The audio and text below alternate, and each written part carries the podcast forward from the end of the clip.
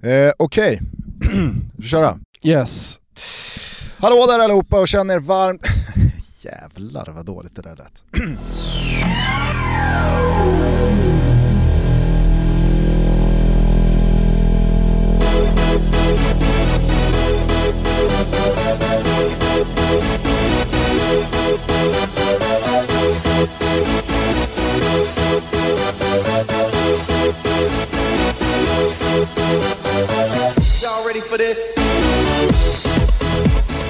Morsning korsning, känn er varmt välkomna till Toto Balotto. Det är fredag den 27 augusti och sen sist vi hördes har det fan i mig hänt en hel del. Ja. Jag Nej, tänkte alltså- liksom någonstans i den här episoden klämma in en liten schnitzel till eh, Örebro som eh, under den här veckan som varit, alltså skolstartsveckan, har delat ut eh, ÖSK-ryggsäckar till alla sjuåringar som börjar första klass. Tycker jag är så här härligt, lagom, hjärtevärmande svensk fotbollsinitiativ som föder ja, men, eh, dels lite supporterskap men också föder gemenskap och jag kan tänka mig att det, det blir någon slags eh, parering av eventuellt utanförskap för vissa blyga sjuåringar när de börjar skolan. Alla kan då liksom ha sin ÖSK-ryggsäck och ha någonting gemensamt och direkt knyta an till varandra. Jag tyckte det var fint. Men det får inte plats i det här avsnittet. Tyvärr Örebro, den där, den där schnitzeln får vi liksom dra tillbaks. Vi har inte Men tid. Det, det, det finns ju någonting fint eh, när, när det sker i småstäder, men du kan ju tänka dig om eh, AIK, Hammarby eller Djurgården hade delat ut eh, ryggsäckar till alla sjuåringar som börjar skolan i, Stockholm. Då hade det genast blivit klubbpolitiskt. Framförallt så hade det många nybakade farsor känt sig manade att knacka på hos rektorn. Ja, inte bara knacka på hos rektorn. Alltså det, det, det ska poseras med hur man gör sig av med ryggsäcken såklart också. Visa sjuåriga grabben hur man bränner den. Må, många små, små bränder på trädgårdarna runt om i Stockholm. Ska fan inte ha någon jävla Bajan! Öppna jacken nu grabben! Så här gör man, man först så dränker man den va, och sen, för att få bra fjutt. Nej, men jag gillade den där en stad, ett lag mentaliteten. Det är väl Malmö misstänker jag, som har liksom eh, satt den parollen på kartan. Men det finns ju fler sådana etablerade klubbar. Örebro, Elfsborg i Borås, Kalmar i Kalmar, Halmstad i Halmstad och så vidare. Halm, jag får ursäkta. All, Eh. all, alla, alla småstäder har väl bara ett lag? Ja, jo visst. Alltså, men Göteborg har ju fler. Jo det är klart, och sen så landar man alltid, vad fan händer i Södertälje egentligen? Med fotbollen. Vilket lag är det egentligen som är på G? Är det Assarna eller är det Syrianerna? Ja, ja, det, Det, är, det är ett jävla gissel att de inte får till det bättre. Det är ändå en stor stad. I sig, det har man ju sagt om Uppsala i, i hundra år. Och Hade Södertälje ska man ju säga också är lite, lite för nära Stockholm, alltså det är ju Stockholm mer eller mindre. Ja, absolut. Så- Nej men så- eh, jag, jag, jag, jag gillade i alla fall det här initiativet eh, och eh, jag tänker att fler liksom liknande klubbar som Örebro ur ett rent geografiskt perspektiv kan ta efter. För jag tror att man, man kan med så jävla små medel bygga ett supporterskap i en yngre, ny generation. För det vet du ju själv, det vet ju jag, det vet jättemånga som lyssnar på den här podden. Det krävs inte så jävla mycket i den där åldern för att man ska bli hooked. Nej, och framförallt så tycker jag att det är någon, någonting, eh, som du sa, härligt svenskt föreningsliv i det. Jag kastas liksom tillbaka till Buster-tiden på 80-talet, eh, när, när, när, när de här videorna kom ut, Jag och bollen, eller vad de heter. När man, när man lärde sig att spela fotboll via VHS, som man fick kika på. Där Pripps Vän- alltid var ensam vän med sponsor. bollen. Vän med Vän bollen. med bollen, ja, exakt, exakt. Sen så kom ju vän med bollen inne. Det, var- det var på den tiden, eh, vad fan, vad hette energidrycken? Sportdryck. Eh, Sp- eh, sportdrycken? Ja men den hette väl bara Isostar, sportdryck? Iso, Isostar hette de.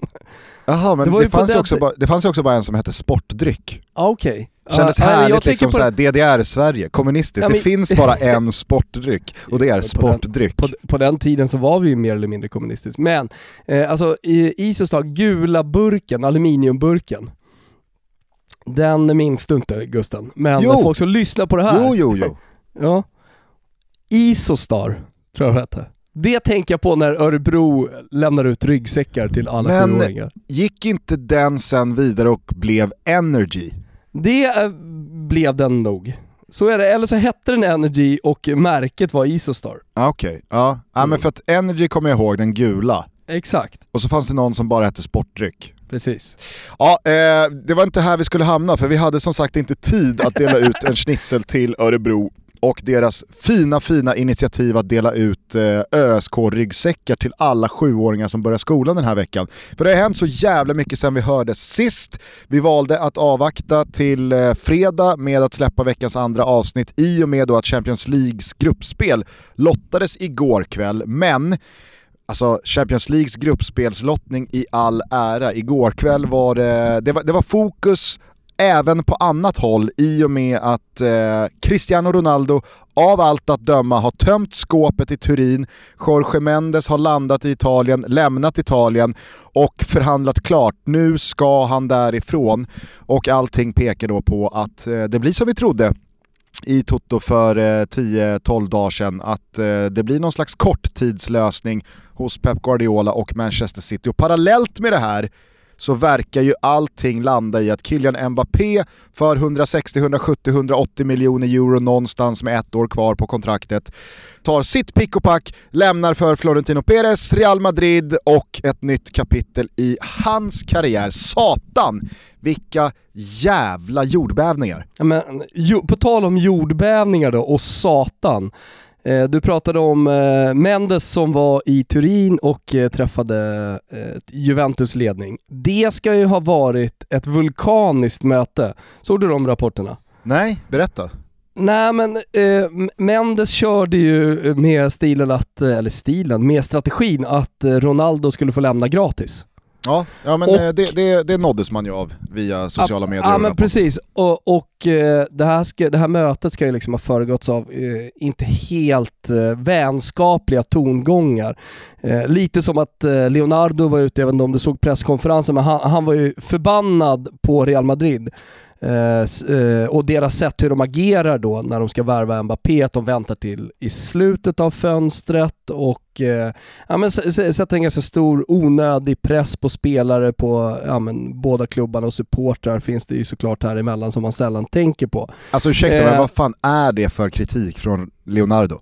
Ja, nej men det är, det är en värvningsstrategi som de kör med och jag menar så här, Mbappés vilja i slutändan är ju att lämna klubben och att gå till Real Madrid. Eh, Och det har han ju varit väldigt tydlig med. Och, och Real Madrid agerar ju såklart på att Messi har anslutit. Såklart de gör. Det kan de inte Men- göra i juni, när Messi är, är galaxer bort. Nej, men jag tror att intresset har funnits länge, men det, men det, det är skitsamma. Hur som helst så landar Mendes och, och det, det blir ett vulkaniskt möte. Speciellt från eh, Juventus-ledningen som då har, enligt rapporter från Italien, ska, ska ha eh, höjt rösterna eh, under det mötet. Och man, men jag tänker då på Jorge Mendes, så stor som han är, eh, så mycket makt han har inom fotbollen, och sitta i ett rum med honom kan jag tänka mig liksom att, eh, ja, det, det, det är en aura som tar en del eh, tid och rum där inne. Han är Eh, ganska han, Han bekväm suger det, en del syre liksom. han är ganska bekväm i situationen att ha irriterade Juventus sportsledningsnissar mot sig. Nej, men har jag berättat, det kanske jag har gjort någon gång i podden, men det var i så fall länge sedan när jag var i Rom. Jag skulle träffa chefer eh, på ett av eh, ja, men, eh, Europas, men Italiens största företag. Eh, Autostrade per Italia. Har jag berättat Ja, var det om när här du, mötet? var, när du jobbade som lapplisa? Ja exakt, det var på den tiden jag drev in eh, parkeringsböter för utlandsregistrerade fordon. Eh, och eh, vi hade då inte skickat några pengar till Autostrade per Italia, det lilla, lilla företaget från Sverige som skulle driva in då i hela Europa, par, eh, inte, inte parkeringsböter men eh, motorvägsavgifter som var obetalade. Och eh, det har då gått ett halvår så vi kommer ner dit. Eh, vi, har, vi, har, vi, vi är lite rädda, jag har precis börjat, vi är lite rädda att de ska vara sura. Så vi är lite förberedda på det. Men in kommer en eh, Napolitano efter typ 10 minuter i mötet och Mm. eh, hans aura, det, det, det är det sjukaste jag mött i ett, eh, i ett mötesrum. Du vet, det, det gick inte att andas, alltså jag chippade efter andan bara av hans närvaro. Ja men det var kaninpuls. Eh, och det, det fanns liksom ingen syre i det där rummet, och samtidigt då som en av våra står på sig. Och då säger han, då, då tar han liksom bara luft, han pratar ganska tyst med napolitansk brytning bara på italienska och så översätter vi då till svenska, eh, till, till våran VD. Eh, säger han så här, du, eh, ni kommer inte hit till Rom och försöker sälja Fontana di Trevi till mig. Det är en filmreferens eh, till en scen då där en eh, Napolitano säljer Fontana di Trevi till en amerikansk turist som tror sig ha köpt eh, Fontana di Trevi. Eh, och då menar han på ni kommer fan inte ner till mitt eget jävla hus här. Och sen bör, efter det så börjar han höja rösten också. Alltså jag tror, jag, jag tror inte jag skulle överleva det där rummet. Jag menar bara att om, om Berrel, som han hette, chefsjuristen på Autostrade per Italia, om Berrel har den auran, kommer i det rummet och tar, tar den, det syret, så kan jag tänka mig att, att Mendes kan också vara så i en förhandling, fast kanske gånger tio. Och Ja. dessutom då så har du Juventus-ledningen i det rummet. Och, som om det inte vore nog, in på headquarters Juventus i Turin, när Mendes är där, stapplar Mino Raiola. så samtidigt som liksom allt det här sker, så är även Mino Raiola där och ska ha möte med Juventus. Jordbävning i fotbollen, ja herregud, det var epicentrum i Turin. Vet du eh, vem i eh, Sverige och inom svensk fotboll som eh, besitter mest Hunt. syreupptagning per kvadratmeter i ett rum? Hunt. nej, nej faktiskt inte. Ja, han är lite för solig aura kanske, Hunt. Ja, alltså jag, jag tror att Peter Hunt på något sätt utsöndrar en energi gentemot då en motpart i en förhandling där motparten känner den här eh, gubben kommer jag ju eh, lura upp på läktaren eller få dit jag vill.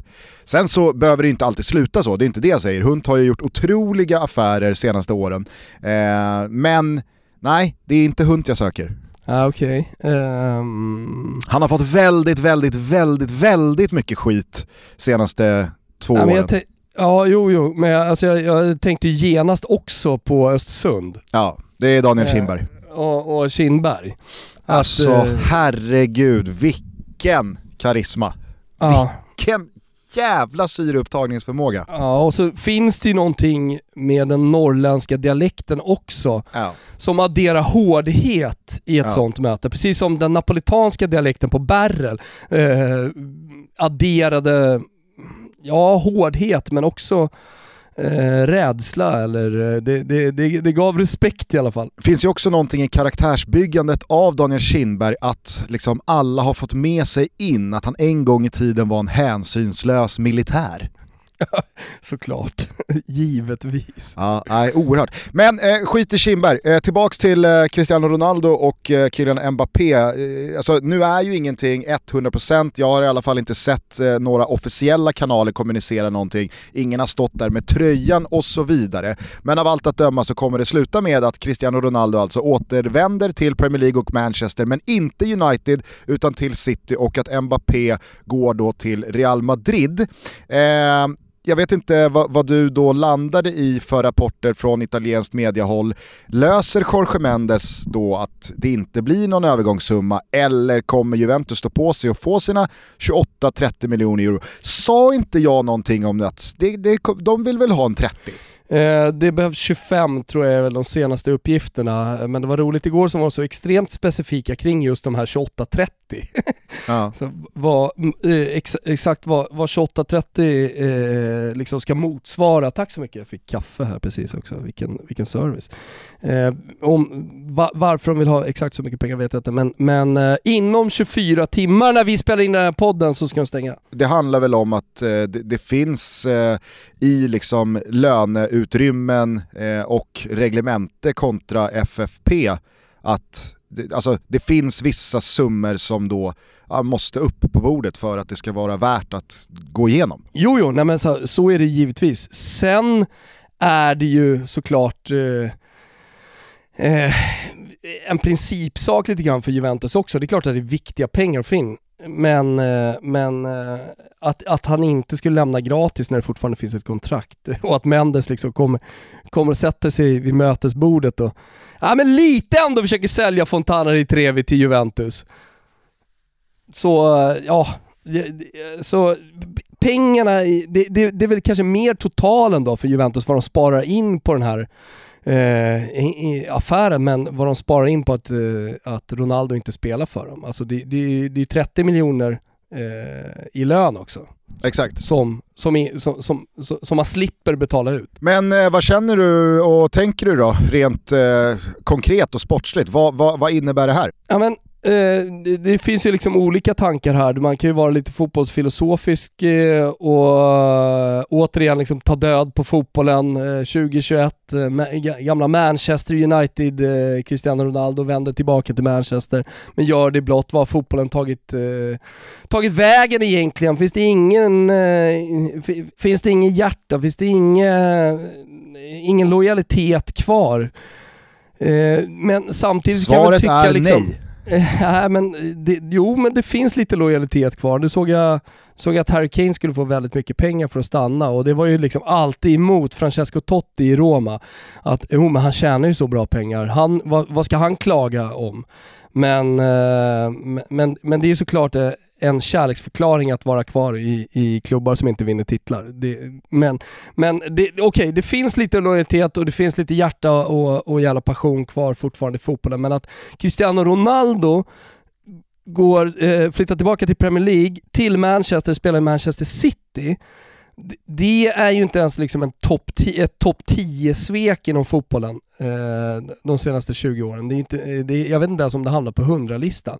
För det första, visst, han började i Manchester United men det har hänt så mycket. Cristiano Ronaldo är ju inte Manchester United, utan han är väl Real Madrid när man summerar hans karriär.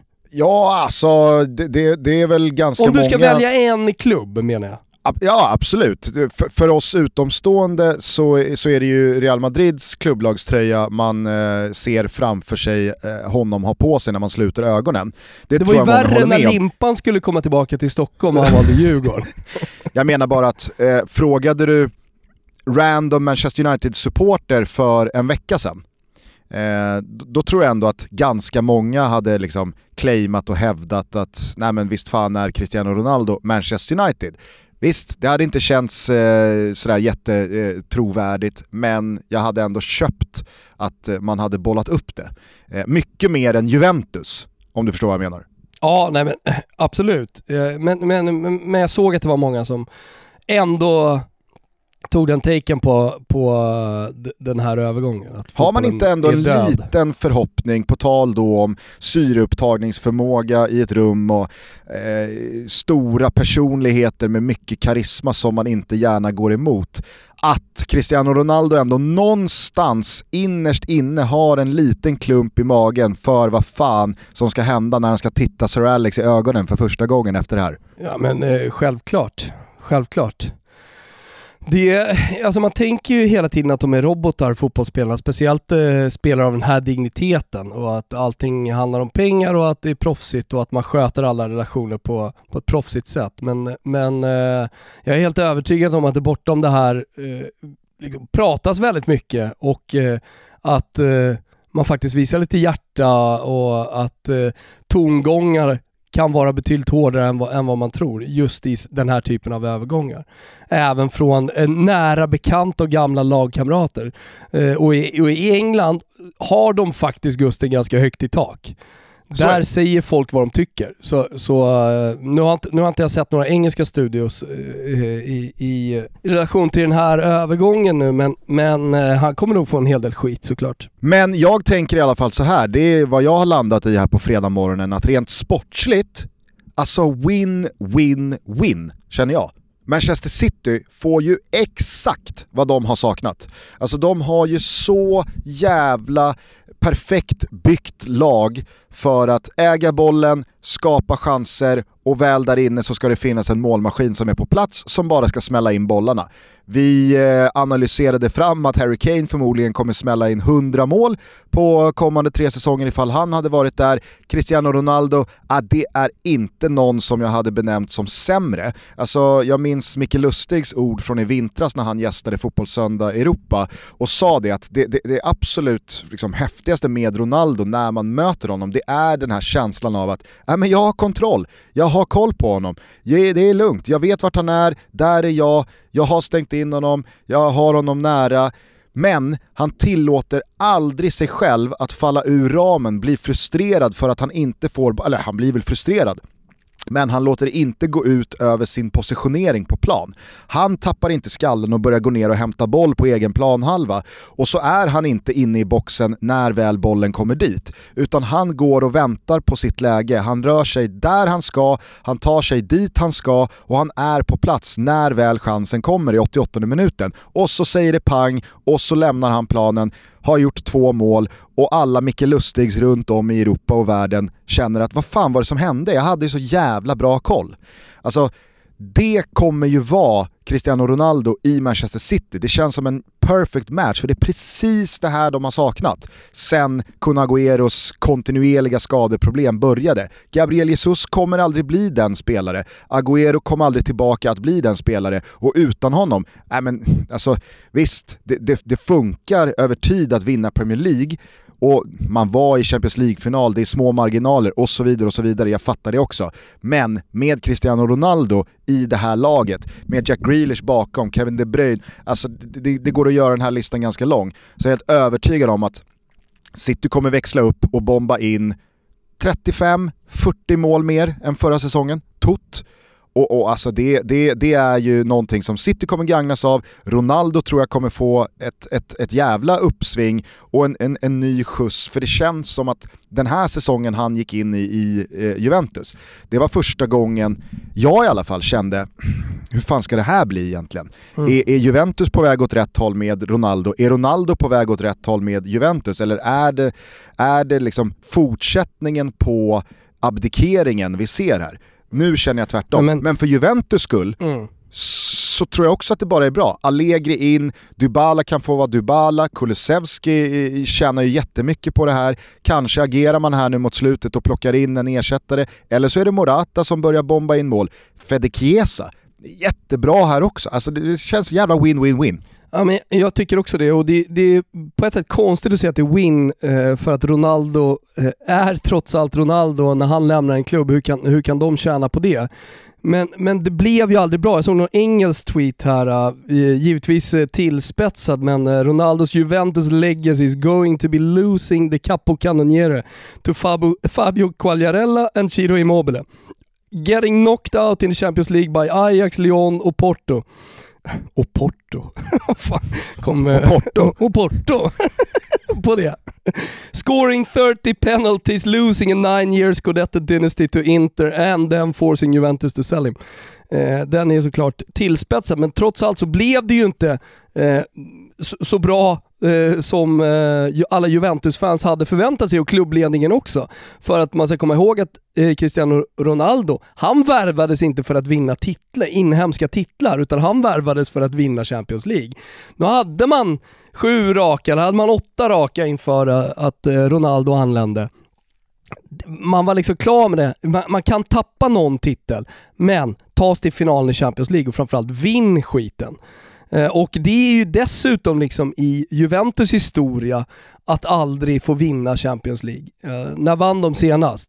Ja, det var väl 96 va? Exakt, med, ja, precis. 96. Och sen har de varit i finaler och de har försökt och försökt och försökt. Och det gör ju liksom sig eh, andra supportrar till andra randiga storlag väldigt lustiga över. Eh, och där får de ju höra hela tiden. Och jag är helt övertygad om att det där når rätt. Alltså du, du vet, varje gång någon gidrar om det där så, så sitter pilen i hjärtat på Agnelli-familjen och det, det, är jobbigt. Så att eh, Ronaldo, Mr Champions League, skulle komma och vinna det åt dem och det, det, okej, nu kanske inte slutar exakt så här. Det går att skriva en annan historia eh, om eh, eh, Cristiano Ronaldo i Juventus och han har gjort fantastiska matcher och han kanske har tagit varumärket vidare. Han kanske liksom har tagit eh, Juventus till en mer Eh, självklar plats i eh, eh topp 6-skiktet i, i, eh, i Europa. I alla fall så som man tänker på Juventus, även om de kanske inte alltid är där sportsligt. Eh, så är de en av de klubbarna och jag menar supportrar runt om i världen. Förstår du? Så även om man inte vinner Champions League eller går till final så, så gjorde ändå Ronaldos närvaro och eh, han, hans spel i Juventus någonting helt övertygat för, för Juventus i väldigt lång framtid framöver. Så sättet man ser på den klubben. Och jag tycker ändå att eh, Visst kom man tillbaka till att vara gamla Juventus när Max Allegri tog dem till de här finalerna. Men, men, men det behövdes någonting. Det behövdes någonting extra och det var Cristiano Ronaldo när han kom dit. Jag tror, jag tror att jag tror att du förstår vad jag menar, eller hur Gusten? Absolut, men sen ska det väl också till Ronaldos försvar också sägas att två av de här tre säsongerna har varit med tränare som kanske inte alls skulle varit tränare för Juventus och med de namnen, och då pratar vi alltså om Sarri som det är, en, det, är en, det är en fantastisk fotbollstränare och han kan stå för en fotboll som, som är otrolig. Men kan man Italien, kan man Serie A, kan man liksom Sarri, vad han är och vad Juventus är, ja, men då var det nog ganska många av oss som kände att det där kommer nog inte sluta speciellt bra. Det gjorde det inte heller. Och sen så vet alla vad som hände med Pirlo, nybakad, hade haft licensen i två dagar, pang, rätt in i Juventus, du ska typ vinna Champions League, för att annars så blir det no men Det var ett mellanår som, som Cristiano Ronaldo åkte på förra ja, säsongen. Det, det är det jag menar att, alltså Ronaldos legacy i, i all ära, jag, jag, är helt med på det att eh, Ronaldo hämtades till Juventus för att Juventus skulle vinna Champions League. Nu åkte de mot ganska beskedligt motstånd tre säsonger i rad, alldeles för tidigt i turneringen. Men det finns ju fler parametrar och förklaringar till det än att Cristiano Ronaldo svek. Mm. Nej, och sen, sen, kan man ju, alltså jag kollar på startelvan eh, inför eh, Juventus match här i helgen och ser att eh, Dejan Kulusevski startar. Alltså för Dejan Kulusevski, jag sa ju det i, i något avsnitt, var det kanske med eh, Svanemar nyligen, att det, det, här, det blir en tuff säsong alltså. Det kommer bli mycket bänk för honom. Men nu när Cristiano Ronaldo försvinner, ja, det, det som direkt händer, det är att han går in i startelvan. Ja. Så att, eh, det, om man nu ska se det vet här ur Vet du vad vi har att göra med då? Nej. Vi har alltså att göra med en win, win, win, win. ja, det, En kvadruppel win om vi då adderar Dejan Kulusevskis individuella aktie Det blir en lose på Gabriel Jesus då kanske. Eh, ja. Finns det någon till i eh, hierarkin i Manchester City som kanske förlorar ännu mer än Gabriel Jesus? Ja, ska vi misstänka att eh, Ferran Torres kanske inte jublar i bilen på väg till träningsanläggningen den här morgonen. Ja. Men sen ska väl Pep Guardiola hålla på med sin jävla rotation hela tiden också. Va? Ja, kanske inte kring Ronaldo. Jävla. Nej, alltså, nu, nu har han ju sin nummer nio, för han blir väl väldigt tydlig nummer nio nu också i, i Ja men det hoppas jag. Alltså, jag, jag, jag, jag sa det ju. Hålla på, han ska inte hålla på med en... några jävla överstegsfinter ute till vänster. Vi vill inte Nej. se det mer! Nu är det han som ska vara på plats i boxen när servitörerna runt om kommer med brickorna. Ja, ja. K-Rauta heter vår stolta, stolta sponsor och de är med oss också idag. Nu är det, som ni säkert har sett också på vår Instagram, förvaringsveckor. Och förvaring för mig, det är ordning och reda. Allting, brukar min eh, kära, kära Helena säga, måste ha sin plats och det tycker jag är en bra utgångspunkt om man nu vill gå från kaos till ordning. Eh, och det är precis det jag har gjort nere i min hall med tre kids och det är regnkläder och det är gummistövlar och sen så helt plötsligt kommer den här jävla brittsommardagen och det är varmt och då ska allting in, bort! Och då är det perfekt att ha en plats för precis allting. Men hur får man det då? Man kanske har lite litet. Man kanske inte har mega utrymme. Jo, man går till K-Rauta. Antingen online, bara surfa in på krauta.se, eller så kikar man in på ett varuhus där man också kan få hjälp av en projektplanerare. Det är ruskigt fina erbjudanden just nu från Elfa med upp till 15% på förvaring och skjutdörrar. De har allting för era hallar, för era garderober. Så ni som kanske funderar lite på om man ska renovera hallen eller om man ska liksom skapa det här snygga förvaringssystemet, tveka inte. Det är när det är förvaringsveckor på Kårauta som man ska passa på. Gå in på kårauta.se som sagt eller dyk in i en butik, hugg tag i en projektplanerare och eh, glöm inte bort att bli medlem samtidigt hos Kårauta så får man tillgång till ännu fler erbjudanden. Just nu är det också dubbla poäng om man handlar både online och varuhus. Vi säger Kitos Kårauta! Eh, men eh, ska vi bara släppa eh, Juventus, City och Ronaldo och kort ta Kylian Mbappé till Real Madrid innan vi ger oss i kast med fan allt som har hänt från Malmö FFs Champions League-avancemang till Jannes riktigt trötta trupp. Mm. eh, vad va, va säger du om, eh, till att börja med, att Real Madrid med då Florentino Perez i spetsen som gnällde så satans mycket i våras eh, och som pushade hårdast av alla kanske tillsammans med Juventus för då denna Super League om att eh, vi kan inte tävla med eh, Premier League-klubbarna och det är ja, men det är ju en ekonomisk situation kring både Real Madrid men kanske framförallt Barcelona från spanskt håll som är helt uppåt väggarna. Ändå så finns det tydligen två miljarder att lägga på en spelare vars kontrakt går ut om ett år. Mm. Tydligen så finns det det. Eh, exakt hur man löser det, det, det vet väl ingen höll jag på att säga, i alla fall inte idag. Det kommer vi få veta senare men eh, Eh, det, det, det, är något med de här mastodontklubbarna, de löser det alltid. Alltså, vi kände till Barcelonas ekonomiska att den ekonomiska situationen i Barcelona var lite trång och jobbig visste vi om när de höll på att värva här för eh, två år sedan och för ett år sedan också. Så att den var så allvarlig eh, som det faktiskt var, det, det känner vi inte till. Men, eh, men det går alltid att lösa på något sätt. Det är, det är märkligt det där och det, det kanske är en större diskussion om eh, financial fair play, om eh, eh, politiken, den ekonomiska politiken också inom, inom fotbollens toppklubbar. Eh, hur, eh, hur man kan liksom komma runt Eh, olika regler eh, och eh, det, att, att det är de mindre klubbarna som i slutändan oftast faktiskt straffas. Mm. Men, eh, men eh, värvningen i sig, rent sportsligt, så, så var det ju precis det som Real Madrid behövde och jag, tyckte, jag tycker att den här typen av värvning har Real Madrid behövt de senaste åren. Det har behövt hända någonting i det där projektet.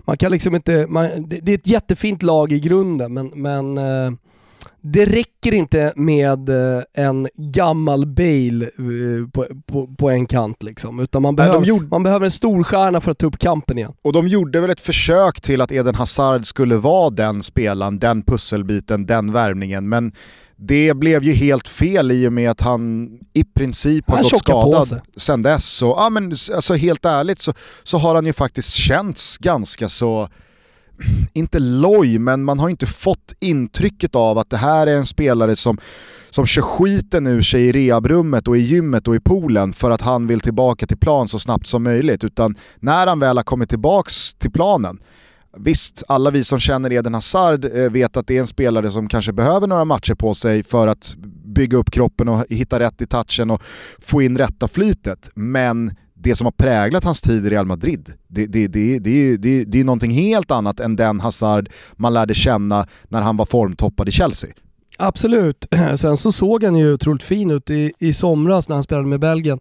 Eh, och kanske, kanske kan eh, Mbappé och Ancelotti eh, liksom eh, den här, den här känslan av att det är någonting nytt i, i Real Madrid få honom ännu mer motiverad också. Ja, och sen så har ju eh, säkert alla som har följt eh, Mbappé nåtts av eh, hur hans pojkrumsväggar såg ut. Det var ju Cristiano Ronaldo och Real Madrid precis överallt och det känns ju som att killen Mbappé, PSG i all ära, har varit öronmärkt för Real Madrid väldigt, väldigt länge. Alltså det var nästa Galactico, det är han som ska ta över Ballon d'Or-streaken efter Ronaldo Messi. Neymar kanske hamnar i det här märkliga vakuumet där bakom och aldrig får lyfta den där bollen. Eh, men men det är, alltså Real Madrid har ju trots att det kan gå upp och ner både sportsligt och ekonomiskt så har ju de en särställning i just det här ja, men slutstationstänket när stora spelare kommer fram.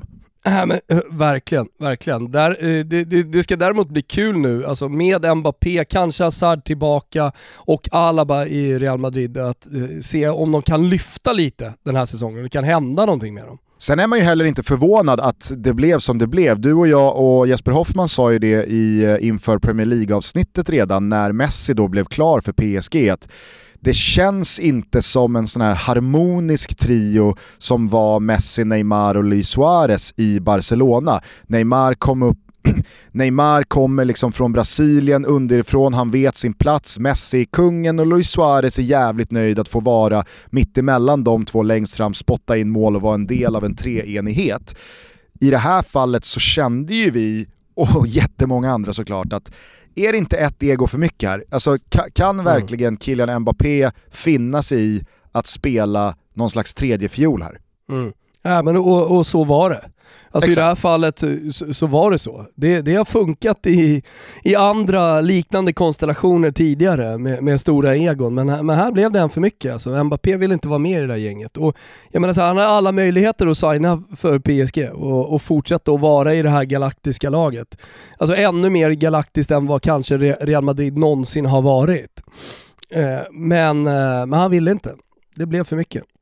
Och jag tror, jag tror så här, helt, helt ärligt, alltså han, han, han, tänker nog på hur han summerar sin karriär eh, om, om 10 år, om 15 år. Alltså de, de, här, de här planscherna eh, på Cristiano Ronaldo i, i Real Madrid och hans eh, supporterskap till Real Madrid. De tror jag definitivt spelar roll här. Att det alltid har funnits en dröm att spela, spela i marängerna. Mm. Ja, verkligen. Sen eh, återstår det att se då eh, vilken slagstyrka det, det, blir på Real Madrid. Eh, med Mbappé så är det klart att eh, den blir otroligt eh, mycket större och starkare. Man får väl hålla dem absolut till eh, favoritskapet vad gäller ligatiteln, men alltså Mbappé i all ära, jag vet inte fan om det där kommer hålla rent, rent defensivt. Och så som truppen är byggd också med en del nyckelspelare i den åldern de är, ja, Ja, det, mm. kan bli en del, eh, det kan bli en del avbräck och en del skador och en del småskavanker. Nej, och... men det, det, det är som du säger, alltså Militao Alaba i mittförsvaret. Jag ja, har stor eller, respekt för Alaba. Eller Nacho eller liksom, alltså... Ja, hur det nu blir. Uh, det, det, ja, jag vet inte, men Vinicius, om, om Vinicius Junior har tagit det här sista klivet, om han är så bra om han kan vara eh, lite konsistent här i, lite, vad heter konsekvent? Lite, vad konsekvent? Heter ja, ja, inte konsekvent men, uh, ja okej då. Om man kan vara lite konsekvent i sina prestationer här nu och, och inte få svackor uh, och då ha Mbappé på, på, på ena sidan och Vinicius Junior på andra. En mogen Vinicius Junior som, som uh, kan ta ansvar på sina axlar och vinna stora fotbollsmatcher. Och dessutom då Karim Benzema som inte är ett år sämre eh, ett år äldre så att säga, utan eh, giv, givetvis bara ett år mer erfaren och kommer vara ännu bättre den här säsongen. Och så det mittfältet bakom. Eh, så, ja så, herregud så alltså med, med, med, Valverde och med Casemiro och alltså, är Kroos och Modric eh, fit for fight? Alltså, jag menar, det är väl klart att det, det är världsklass. Alltså det är yttersta världsklass.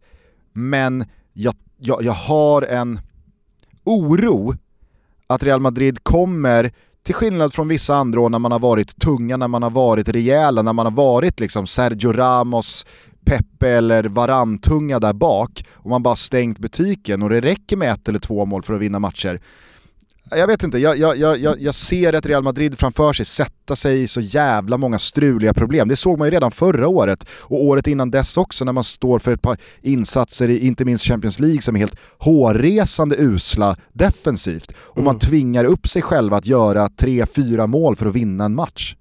Jag vet du vad jag känner när Mbappé nu eh, ja, snart är klar för Real Madrid? Att vi, att vi kanske borde göra ett avsnitt med Pinitoro finns någonting nu med den spanska ligan. Vi gör ju alltid inför avsnitt eh, och vi har ju alltid gjort dem med Pinitoro också och pratat eh, exklusivt om den, eh, den spanska ligan. Alltså nu är det ju lite landslagsuppehåll och sånt, då finns tid kanske att ta in Pinni. Nej men eh, det är väl en plan att eh, i slutet av landslagssnurran som stundar här nu nästa vecka eh, så, så, kan vi väl eh, ta in Pinitoro i studion och eh, köra lite inför La Liga 21-22 även fast den säsongen redan eh, trummat igång. Mm. Det, det, är väl kanon. För de hamnade ju i alla fall i gruppen, vi kan dra det lite kort då och komma in på Champions League just när de var klara där. Real Madrid hamnade med Inter, Shakhtar och Sheriff. Ja, är det inte helt otroligt ändå att eh, tre av fyra lag möts i samma grupp igen? Jo, det är lite otroligt men eh, ibland kan Och då pratar vi alltså om eh, Real Madrid, Shakhtar och Inter. var ju en eh, riktigt eh, spännande grupp i fjol som avgjordes eh, på, på tilläggstid i den sjätte gruppspelsomgången. Nej men eh, det, det, var ju en, eh, det var ju en jäkligt rolig lottning, i alla fall om man som jag då kommer från simor håll och Telia-håll och ska jobba med den här rättigheten den här hösten i och med att Malmö. FF gick in i, eh, i gruppspelsfasen. Så jag är väldigt, väldigt nöjd med lottningen i och med att det finns då en sida, i synnerhet om i grupp A, Manchester City, PSG eh, och Forsbergs Leipzig, Klubb Brygge får ursäkta. Alltså har det funnits en större slagpåse i en grupp? Nej, jag tror inte det. Alltså, för jag tycker Leipzig har tagit kliv också. Så att, Verkligen. eh, Eh, det- jättemysig grupp sen också för eh, Zlatans Milan mot Liverpool, Atletico Madrid och Porto. Mysig, mysig att titta på, men inte så mysig för Milan. Nej, så är det ju. Absolut. Eh, och sen som du är inne på då, Inter och Real Madrid i samma grupp igen på ena sidan. Och så har vi då andra sidan med grupp E, Bayern, Barca, sprungit in i varandra många gånger i den här turneringen, alltid fina matcher. Grupp F, underskattad, mysig, härlig liten pärlgrupp med Manchester United, Villarreal, Atalanta och Young Boys. Känns det som att det kan bli en del mål i grupp F va? ja, Oh, det, ja. eh, grupp F kanske. Vi ska göra en inför-podd här, eh, Gusten. Mm, Eh, med ett avsnitt per grupp, så Tutski CL.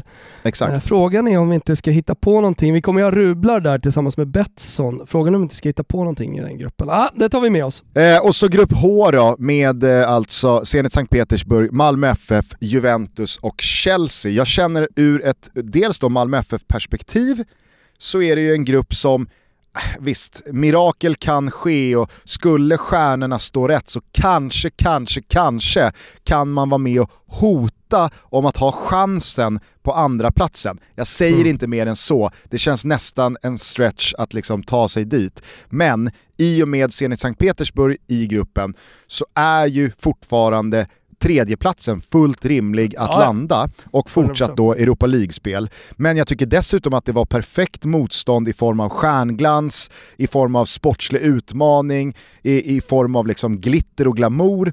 Det är regerande mästarna Chelsea med Lukaku eh, som krydda, det är Juventus med Dejan Kulusevski. Nej, fan, det, det, känns, eh, det, det känns som en jävligt rolig Malmögrupp. Mm, vet du vad min senaste match eh, nere i Malmö på Malmö stadion var? Ja, det var väl Malmö-Juventus? Jajamensan, då var Paul Poggen i, det var så länge sedan, i, i Jove. Och då höll han hov.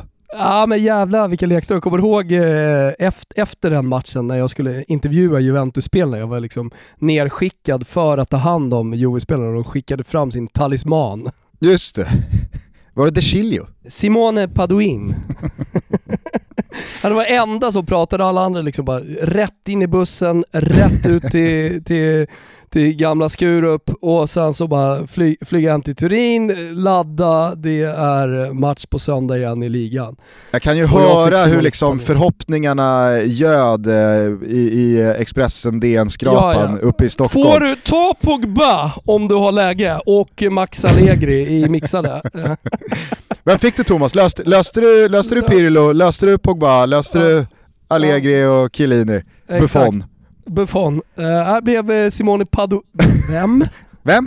Ingen visste vem det var. ja, ja. Nej men håll med om att, eh, håll med om att det varit en jävligt eh, rolig lottning. Ja, jag, jag, jag håller med dig. Och, eh, det finns ju något så här Ronaldo, eh, eller det finns något komplex för Ronaldo mot Messi, det är jag helt övertygad om. Och när han ser att han går till PSG, då får han nästan lite panik. Oj, vilket jävla lag han är. Jag vill också vara i ett monstruöst superlag. Eh, så han går då till Manchester City. Ah, det är väl kanske inte så fullt ut, men det finns någonting där i alla fall. Och att eh, han nu, tar vi för givet, går till City och får Paris Saint-Germain i gruppen så det blir Messi mot Ronaldo. Det, det, det, enda som hade sak, det enda jag saknar i den här lottningen, det är att Malmö skulle fått Milan. Jo, men det visste vi på förhand inte kunde ske i och med att de låg i samma pott, så det var man ju ändå Ja, ja. väldigt inställd på. De får, de får möta varandra senare då. Kanske. Jag Kanske. hade inte sett att de var i samma pott Gusten. Jag satt och hoppades på det här inför lottningen. Dumma jävla Wilbur José sitter där. Fattar och ingenting. hoppas. Fattar, va? Hallå? Va? va? Nej men det kan man väl säga om Grupp A, alltså, jag håller med dig. Eh, landar du Ronaldo i Manchester City så blir det ju en ruskig krydda. Vem hade kunnat tro det för bara en månad sedan att eh, Messi och Ronaldo skulle mötas i Champions Leagues gruppspel i nya klubbadresser. Det, det är otroligt. Eh, man kan ju dessutom påminna alla om att Manchester City senaste 5-6 åren typ har haft eh, eh, Champions League-gruppspel där den tuffaste motståndaren har varit Anderlecht. Alltså det har ju varit helt otroligt lätta lottningar för City hittills. Så det är ju en krydda i sig och jag gillar också, för det ska man ju komma ihåg när det kommer till Champions Leagues gruppspel, att även fast Juventus hamnar i samma grupp som Chelsea och Chelsea i samma grupp som Juventus så tror inte jag att de två klubbarna är jättemissnöjda med lottningen. För där finns Malmö FF och Zenit som givna offerlamm. Alltså är det två riktigt bra klubbar Ja, men det, det, det är lite lugnt. Juventus var i samma grupp som Barca i fjol. Det, det, blir ju, det blir ju knappt någon nerv i de matcherna för att man vet att det är de andra två lagen som kommer få betala priset. Och i, i, idag så är det ju så många kompetenta lag med i den här turneringen att, att vinna gruppen behöver ju heller inte ens betyda någon fördel. Ibland är det ju bättre att sluta tvåa för att slippa en del andra tvåor och så Ja. vidare. Eh, Så att det som Men- är extra kul i grupp A är ju att Leipzig är där. Men om, om Betsson hade satt odds på att eh, Messi och Ronaldo skulle möta varandra med, med nya klubbadresser och eh, de hade valt City PSG så hade det varit favorit på att Messi skulle ha spelat i City i och med att det var så jävla mycket snack och har varit mycket snack om att Pep och Messi ska återförenas och att då eh, Cristiano Ronaldo skulle landa i PSG. Låt säga för om de hade satt oddsen för ett halvår sedan, för ett år sedan eller kanske till och med för tre, fyra månader sedan. Ja, ja verkligen. Eller hur? Verkligen. Men menar, hon- du, du, såg, du såg ju snarare Messi City då. ja, absolut. hos Pep. absolut. Och, eh, och jag menar så här, Paris Saint-Germain för, för, för Ronaldo, den känns väl rim, den känner, har väl känts rimlig hela tiden. Ja, absolut. Men Mm. håll med mig om att Leipzig som tredje lag i den där gruppen gör att det, det borgar ju för en helt otrolig gruppspelsfas i grupp A. För att Leipzig kommer ju inte bjuda på någonting. Nej, exakt. Det, det, är alltså så här, Leipzig kommer ta poäng av City och PSG, inget lag kommer gå rent. Nej. Nej, det Och därför, en... kommer, eh, därför kommer de- de direkta mötena mellan City och PSG ändå ha jävligt stor betydelse för att du vill inte hamna i ett läge där, där du riskerar i, i, liksom, i näst sista, sista omgången att faktiskt ryka.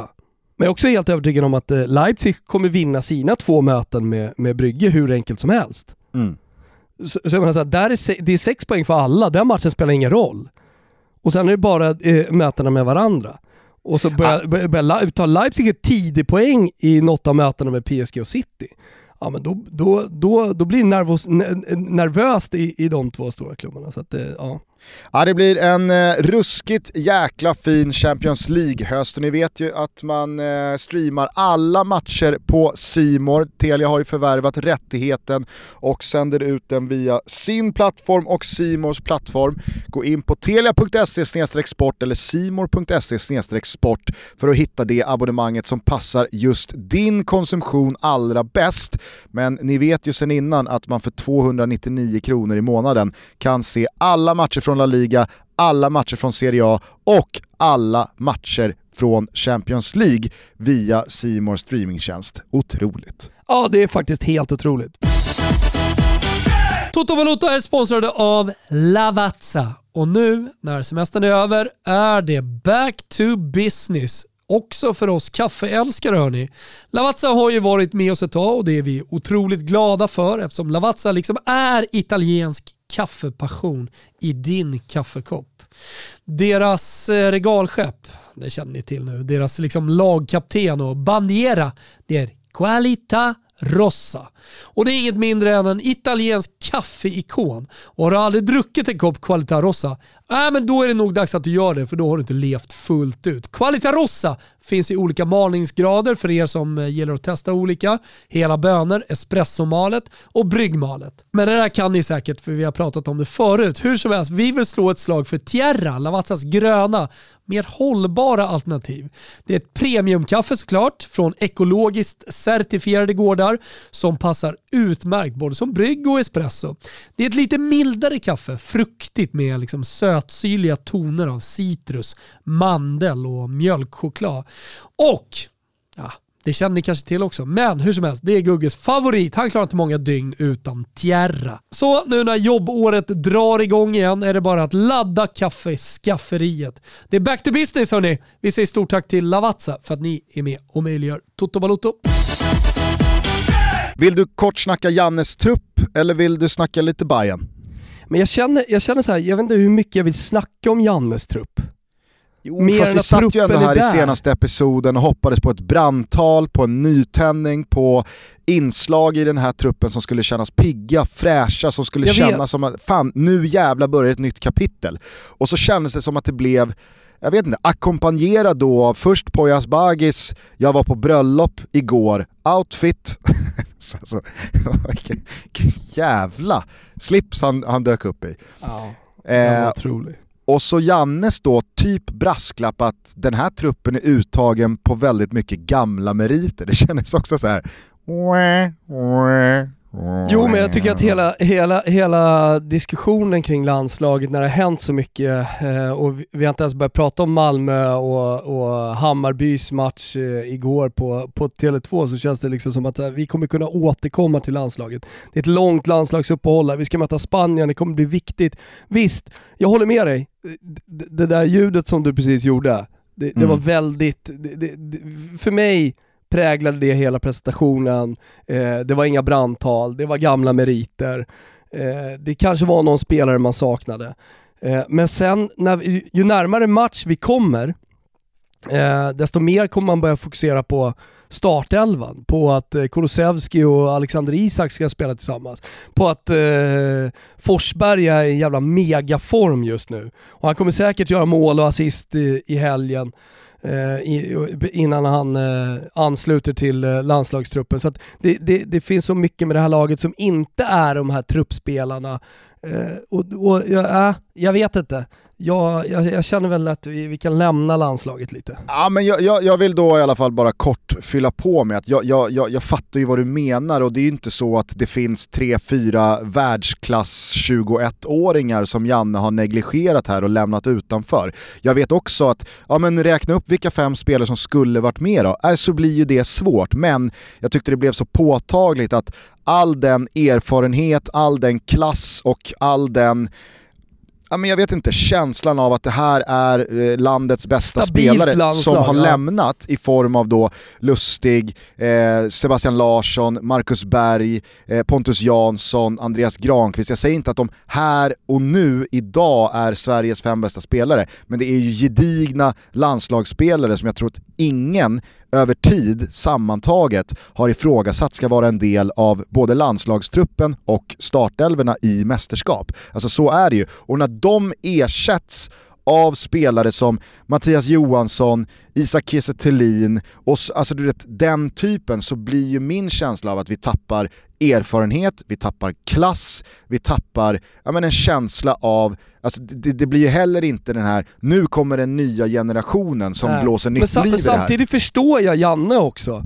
För att Ja, det här är eh. spelare som, alltså Kiese Thelin har varit med, han vet han, han vet hur en landslagssamling går till och Janne vet vad han får ut av honom. Alltså jag förstår Janne, för nu ska det vinnas matcher mot Spanien och Grekland. Absolut, jag säger Alltså, bara att jag, hålla på jag, med jag, någon, jag, hålla på jag med någon romantisk min- generationsväxling och ta in unga Nej. spelare bara för att ta in unga spelare. Det kan vi inte göra. Nej, Men jag det blir ju själv, finns ju påtagligt typ- att det inte finns så mycket klass. Nej, precis. Och det var det jag skulle landa i. Det, det, jag, jag, jag säger ju att det, det finns ju inte så jävla många andra alternativ att stoppa in, så det, det är ju vad det är. Men hade, hade Anthony Elanga varit med här, så tror jag att känslan snarare hade pendlat över till att ja, ja men vad fan, det finns Har en han morgondag. varit, har Det finns en han framtid. varit skadad eh, och inte spelat så mycket på försäsongen? Nej, han har ju spelat. Och han är ju med i det var någon U21. som skrev att Jo, eh, men- han har varit borta nu. Han är med i U21, så att Ja okej, ja, ja, då så.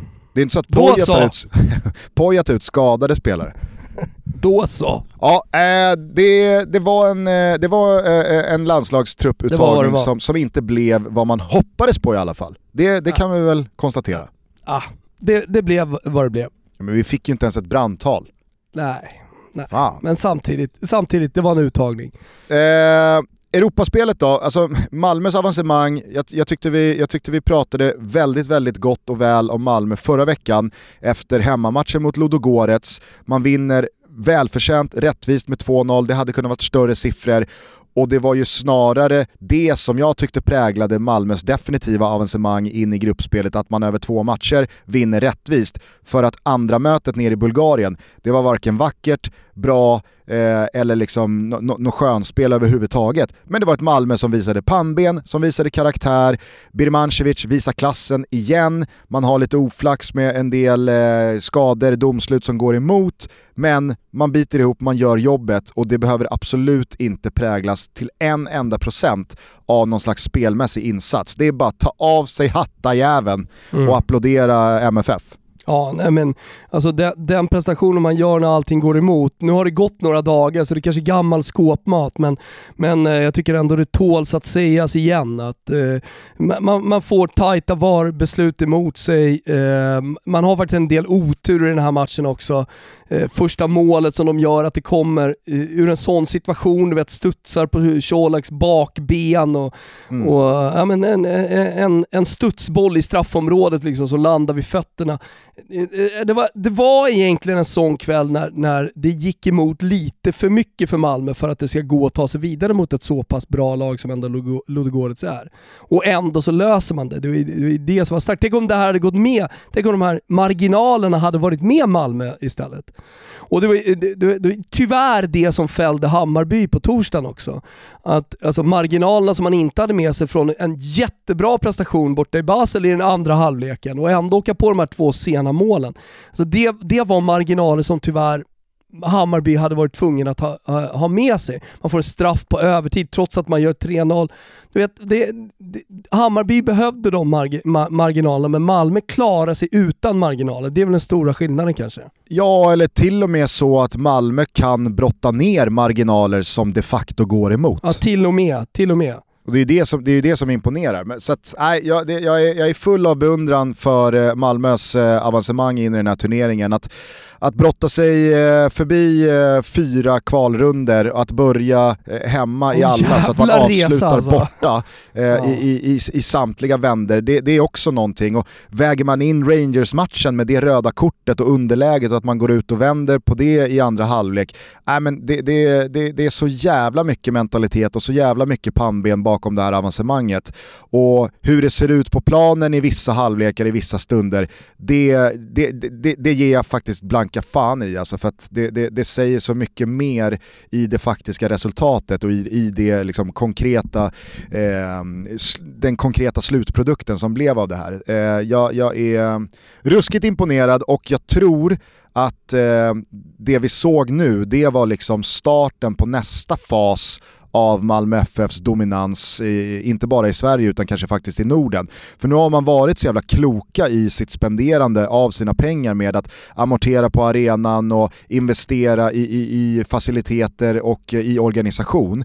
Nu tror jag att man med de här pengarna, med det faktum att man för tredje gången spelar Champions Leagues gruppspel på bara sju år, att man för femte gången spelar ett europeiskt cupgruppspel på bara sju år, att man liksom kan peka på vilka spelare som tillhör den här truppen, vilka pengar man nu kan tjäna i det här laget, i den här klubben, så tror jag att man kommer börja växla upp även på truppsidan, på spenderingssidan vad gäller transfersummor och vad gäller men löner. framför, framförallt så kan man ju ta sig till eh, Christiansen-hyllan och börja värva där. Och det har man ju redan gjort. De har ju börjat med, eh, man, har, man har visat att man kan göra det Dels med kikarsiktet på spelare som ingen hade förväntat sig någonting av egentligen i Birmancevic. Eh, alltså den typen, men även Christian, Christiansen-värvningen som till exempel Colak, att du, att du kan hitta spelare som eh, ja, men kanske hade valt Holland Ja. det facket, eh, alltså det är den typen av pengar och värva in till Malmö. Och det, det, det är väl den stora skillnaden. Det, det, det är väl det stora steget som Malmö FF har tagit i och med det här avancemanget. Sen så, alltså på, på en individuell spelarnivå så var det ju intressant med det här avancemanget med just Anel Ahmedhodzic, för det är ju en spelare som egentligen redan i vintras skulle bort och det var bara en fråga om när, ska han stanna under våren och så går han i sommar eller kränger man honom redan nu? Och det pratades Atalanta väldigt intensivt och det var 8 miljoner euro och det har ju varit en följetong hela året och så har bara veckorna blivit till månader och, och sommaren har snart blivit till höst. Det svenska fönstret har stängt inåt så att skulle eh, Malmö FF bli av med Ahmedhodzic nu så kan de inte ersätta honom vilket gör att ja, men med det här avancemanget in mind så måste ju Malmö ha börjat liksom svänga i frågan att vi släpper inte honom. För nu har ju dessutom prislappen medialt sjunkit till 3-4 miljoner euro eh, snarare än 7, 8, 9 miljoner euro som snacket var Ja, innan. som, som såklart är mer än eh, 8-9 miljoner euro i vinter och eh, kanske ännu mer då till sommaren. ja, och om fast han, han- sitter ju ändå på utgående. Jo men, jo, men det, det, det, det är jätteviktigt för Daniel Andersson och Malmö FF att förlänga det avtalet så fort de bara kan nu. Ja men det tror jag inte kommer ske. Alltså det kommer väl inte Ahmedhodzic göra? Ja, Alltså varför inte? Alltså det måste ju vara Malmös största prioritering.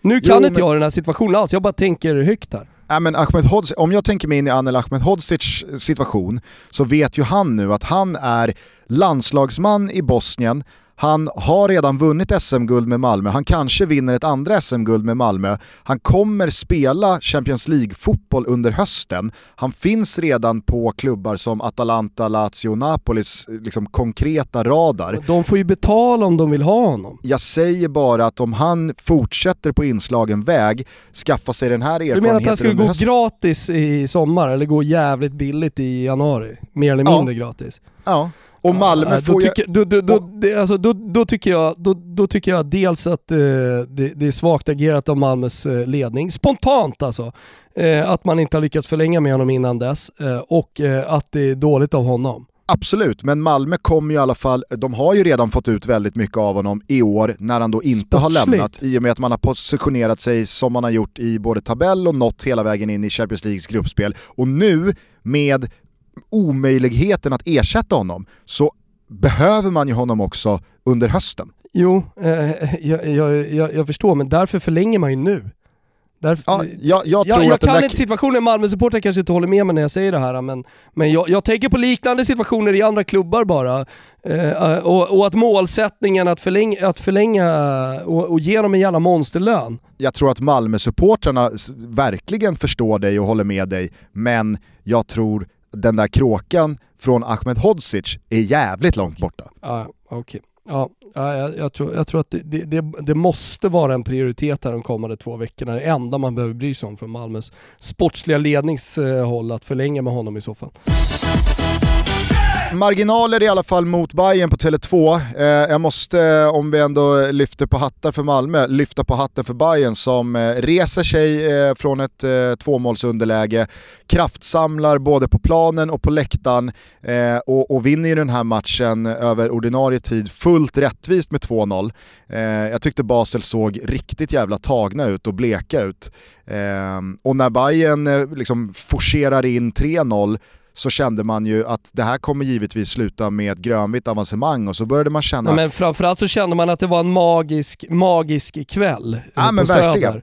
det, det, det blev den här Europakvällen som, som Bayern har längtat efter hur länge som helst. Ja, exakt. Och jag menar, jag har varit med på, eh, om, om tunga förluster både i Florens som supporter och eh, som AIK-supporter, Maribor inte minst, för att prata närtid, eh, där, där, man har lämnat liksom med tårar i ögonen och eh, ja, men så här, det, det är kvällar som man bara helt, man, man vill bara radera dem i minnet men de finns kvar där genom hela livet. Ja. För att det blir så känslosamt. Och det blev istället en sån kväll då för Hammarby. Verkligen. Eh, för det, det, Men jag tror att går- många lämnar också med en stolthet i, i Hammarby och att man har tagit ett kliv närmare. Jag tror att med lite perspektiv så kommer man kunna se på den här matchen eh, med, med stor stolthet och att nästa gång då ska det fan gå. Och att man har lärt sig mycket från den här eh, kvalrundan. Jag tror också att eh, det, det, finns en stolthet, jag tror också att det finns erfarenheter att eh, plocka med sig och, och, gynnas av. Men jag tror också att när det är så nära och när man åker på ett sånt här sätt så tror jag också att det blir en sån jävla smäll som riskerar att ja, men, få en att vackla, få lungorna att tappa för mycket luft, ja, att man känner en, en, en uppgivenhet också. Ja. Alltså, på ett sätt så tror jag att det är bättre att, alltså, om, man nu, om man nu ändå ska åka ut och inte nå gruppspelsfasen, så tror jag att det är bättre att göra det som Häcken. Pang bom tjoff första rundan, hej då.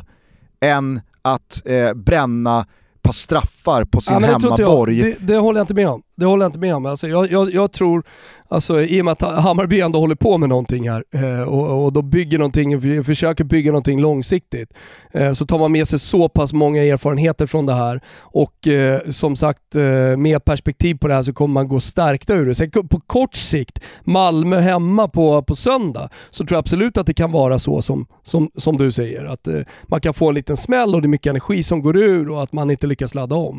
Men jag tror att på lång sikt, om man nu hamnar i det här läget, eh, nu får vi se hur, hur säsongen eh, blir för, för Hammarby i Allsvenskan, men när man hamnar i det här läget igen eh, så, så har man en, en, en större chans att, att göra någonting. Jag tror, alltså min, min farhåga för, för Hammarbys skull, och visst, det, det är väl Milos och eh, jävligt många supportrar emot, men min farhåga är ju att förlusten igår lite innebär, eller kanske inte så lite heller, att säsongen är, är, är över. Man plockade en kupptitel så den har man med sig från 2021 och, och, och kan vårda ömt. Eh, men den ledde fram till det här Europaäventyret som slutade på det allra suraste sättet. Man har offrat en hel del, man har tappat mark i toppen eh, av allsvenskan. Man har fyra lag framför sig med ett par klubbar och lag runt omkring sig i, i, i, i tajta positioner som har kanske en annan eh, riktning på sin säsong. Eh, jag, jag, jag, jag är bara rädd att en sån här match innebär att Bayern åker på en lite för tung smäll för att det ska på ett lite snabbare sätt rinna iväg dem och så blir den här säsongen det blir liksom ingenting under hösten. Och vart landar det då nästa år? Ja visst, man har alltid kuppen som, som en möjlig köksdörr in till e- Europaspelet igen. Men du fattar vad jag menar, jag tycker också truppmässigt så finns det en del spelare här. Vad händer egentligen? Var, var det det sista vi såg av Paulinho i en Hammarby-tröja igår? Var, var, var, det det, var det det pissigaste avslutet en spelare kan få i en klubb? Han bränner ju två straffar dessutom. Ja, men det är helt sjukt hur man kan bränna den andra på det sättet. När man får, som en skänk från ovan, möjlighet att göra rätt för sig efter att ha missat en straff. Alltså, förstår du hur få spelare som har fått den möjligheten i sin karriär? Du missar en straff i ett oerhört viktigt läge. Inte bara för dig själv utan för klubben och allt står och väger. Och så får du möjligheten att slå om den för att keepern har satt en tå utanför linjen. Nej men då kan du inte dra den fyra meter över, det går inte. Nej, han drar, ju faktiskt, han, han, drar ju faktiskt mer, eh, mer över än vad Bojanic gör. Ja och då är Bojanic straff rejält över. Ja. Ja, jag, jag tyckte jävligt synd om, eh, om eh, dels Hammarbyspelarna men framförallt alla på läktaren igår som jag tyckte, alltså... Vi, vi, ja, men de tog ju Hammarby till, eh, precis som Malmö-supportrarna också, ledde sitt lag eh, under tuffa perioder på, på, på hemmamatchen eh, och, och, fick dem liksom gå stärkta Uh, eh, ur, ur, varje situation. Så, så gjorde ju Hammar, Hammarby-supportrarna precis samma sak eh, igår. Och, och Eh, det, jag tror att så här, under en coronasäsong utan publik så hade Hammarby aldrig eh, hämtat upp det där. De hade, inte, de hade inte hittat den kraften, den motivationen att komma tillbaka efter 3-1 borta och de två tuffa smällarna man fick i Basel i slutet av matchen. Eh, men, men supportrarna gjorde det här möjligt. Där är vi helt eniga.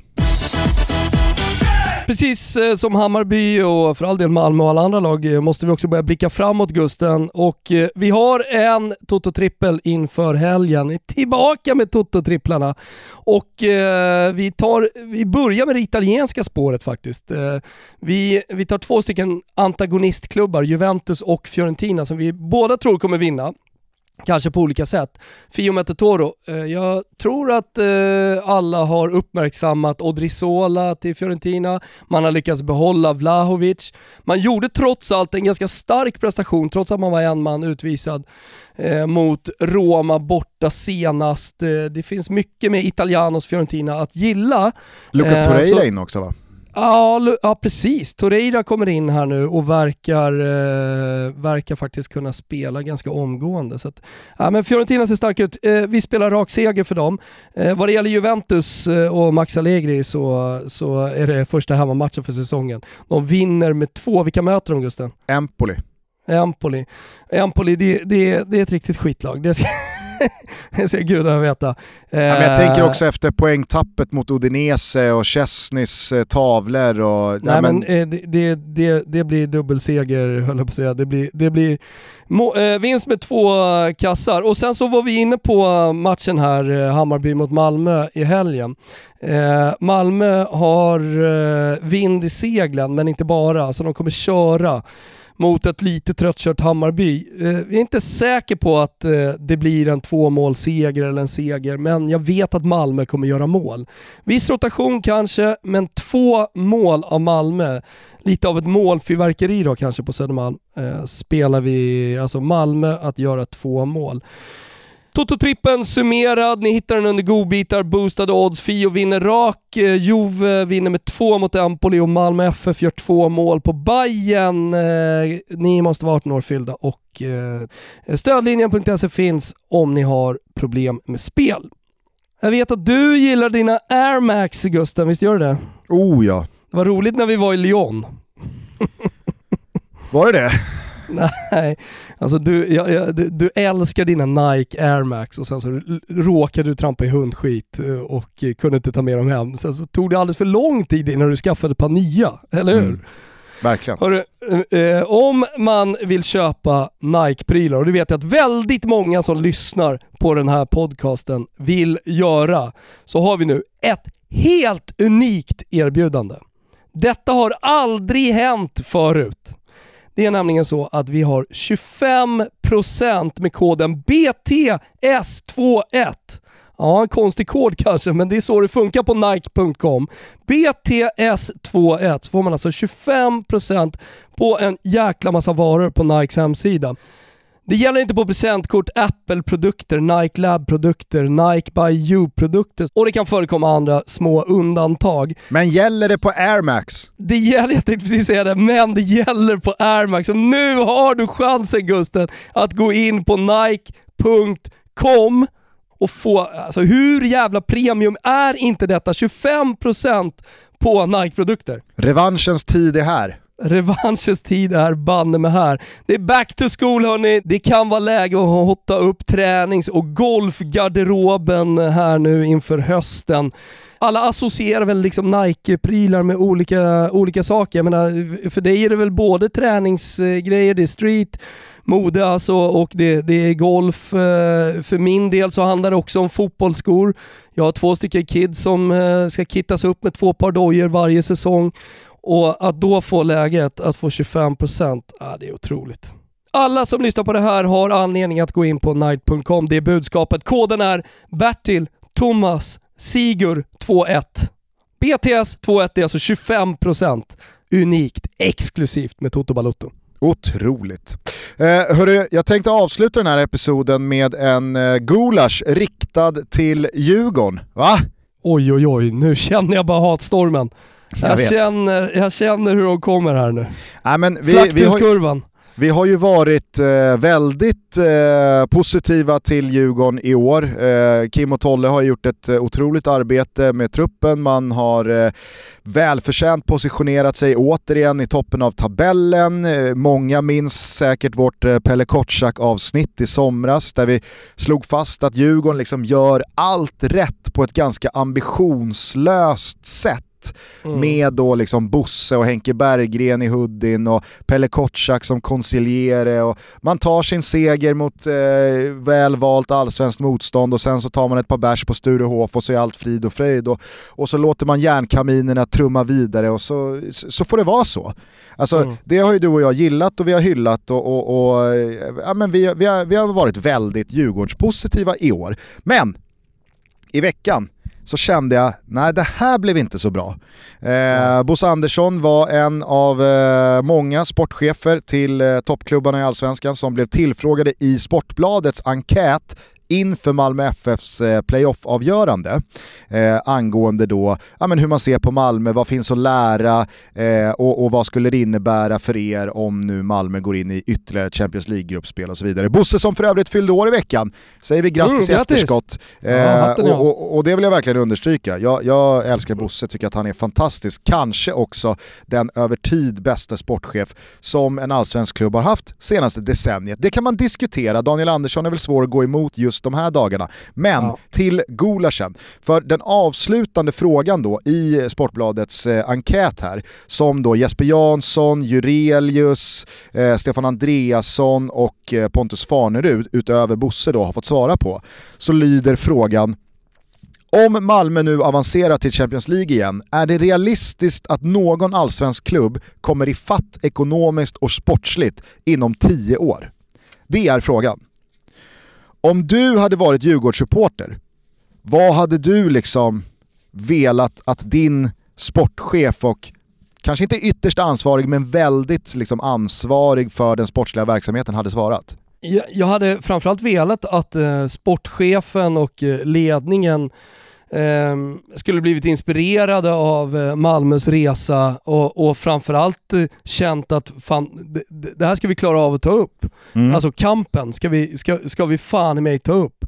Eh, och kan de så kan vi. Och jag menar på eh, lång sikt här, 10 år, ja, men då ska vi, då ska vi banne med dit som den storklubb vi är. Mm.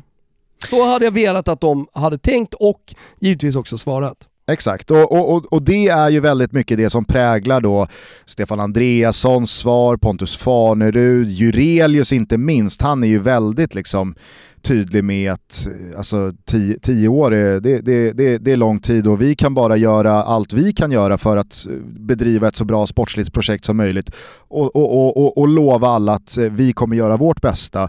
Eh, Jesper Jansson är inne på samma sak. Men Bosse, han är Men jag, alltså, det är ändå härligt på något sätt att... att Bosse är, Bosse är rak här. Bosse är okej. tydlig.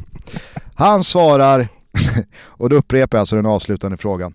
Är det realistiskt att någon allsvensk klubb kommer ifatt ekonomiskt och sportsligt inom en period på 10 år? Och då, eh, då, då, då kan jag väl bara återigen då, alltså påminna alla att backar vi bandet 10 år för Malmö FF, alltså Malmö FF har uträttat allt det vi nu pratar om, allt det Malmö FF blivit, den position Malmö nått och eh, den distansen som finns till övriga klubbar.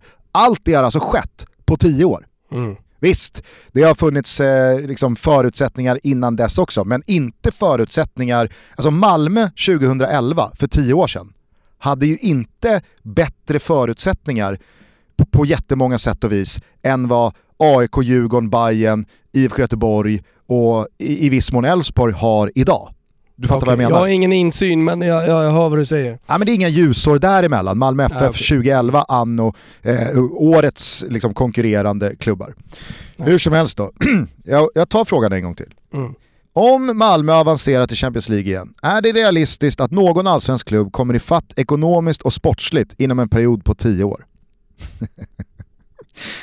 Bosses svar? Nej, det tror jag inte. Det är om någon har en osåld Bingolott liggandes någonstans. Så givet inte- att han tar Bingolott eh, liksom referensen här och inte någonting annat. Men inte för att det skulle hjälpa. Tyvärr är det nog inte möjligt att komma ifatt vad gäller redan förutsättningar. Men under de tio åren så kanske man kan komma före i den allsvenska tabellen någon gång. Ja. Så jävla uppgivet!